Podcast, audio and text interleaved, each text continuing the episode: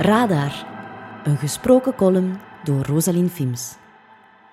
Zoals bij alle samenlevingsvormen gelden in de stad nogal veel regels. Die regels moeten voorkomen dat er een totale chaos uitbreekt op een plek waar zoveel mensen dicht bij elkaar wonen.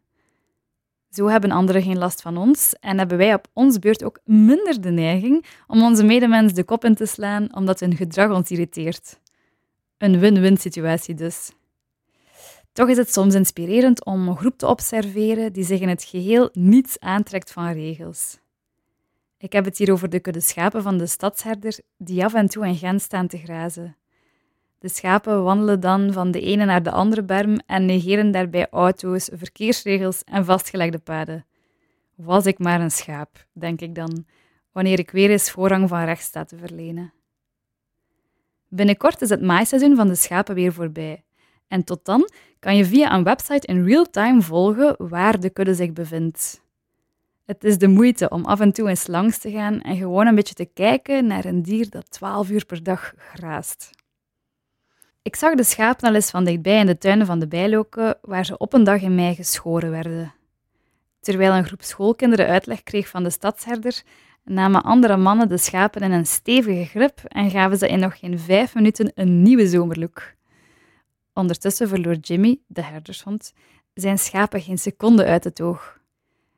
Toen ze allemaal aan de beurt waren geweest en de kinderen weer weg waren, kwam Jimmy naast me staan en jankte elke keer wanneer ik stopte met aaien.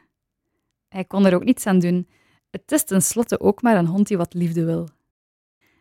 Er zijn ook best veel regels die ik mezelf opleg. Ik koop bijvoorbeeld geen vlees meer om te compenseren voor mijn avocado's. En ik heb mezelf ook verboden om een herdershond te adopteren zolang ik zelf geen schapen heb. Op een dag in juli vertelde een hondeneigenaar me dat hij elke zaterdagochtend met zijn hond naar de herderschool gaat, waar de hond wordt getraind om schapen geen seconde uit het oog te verliezen.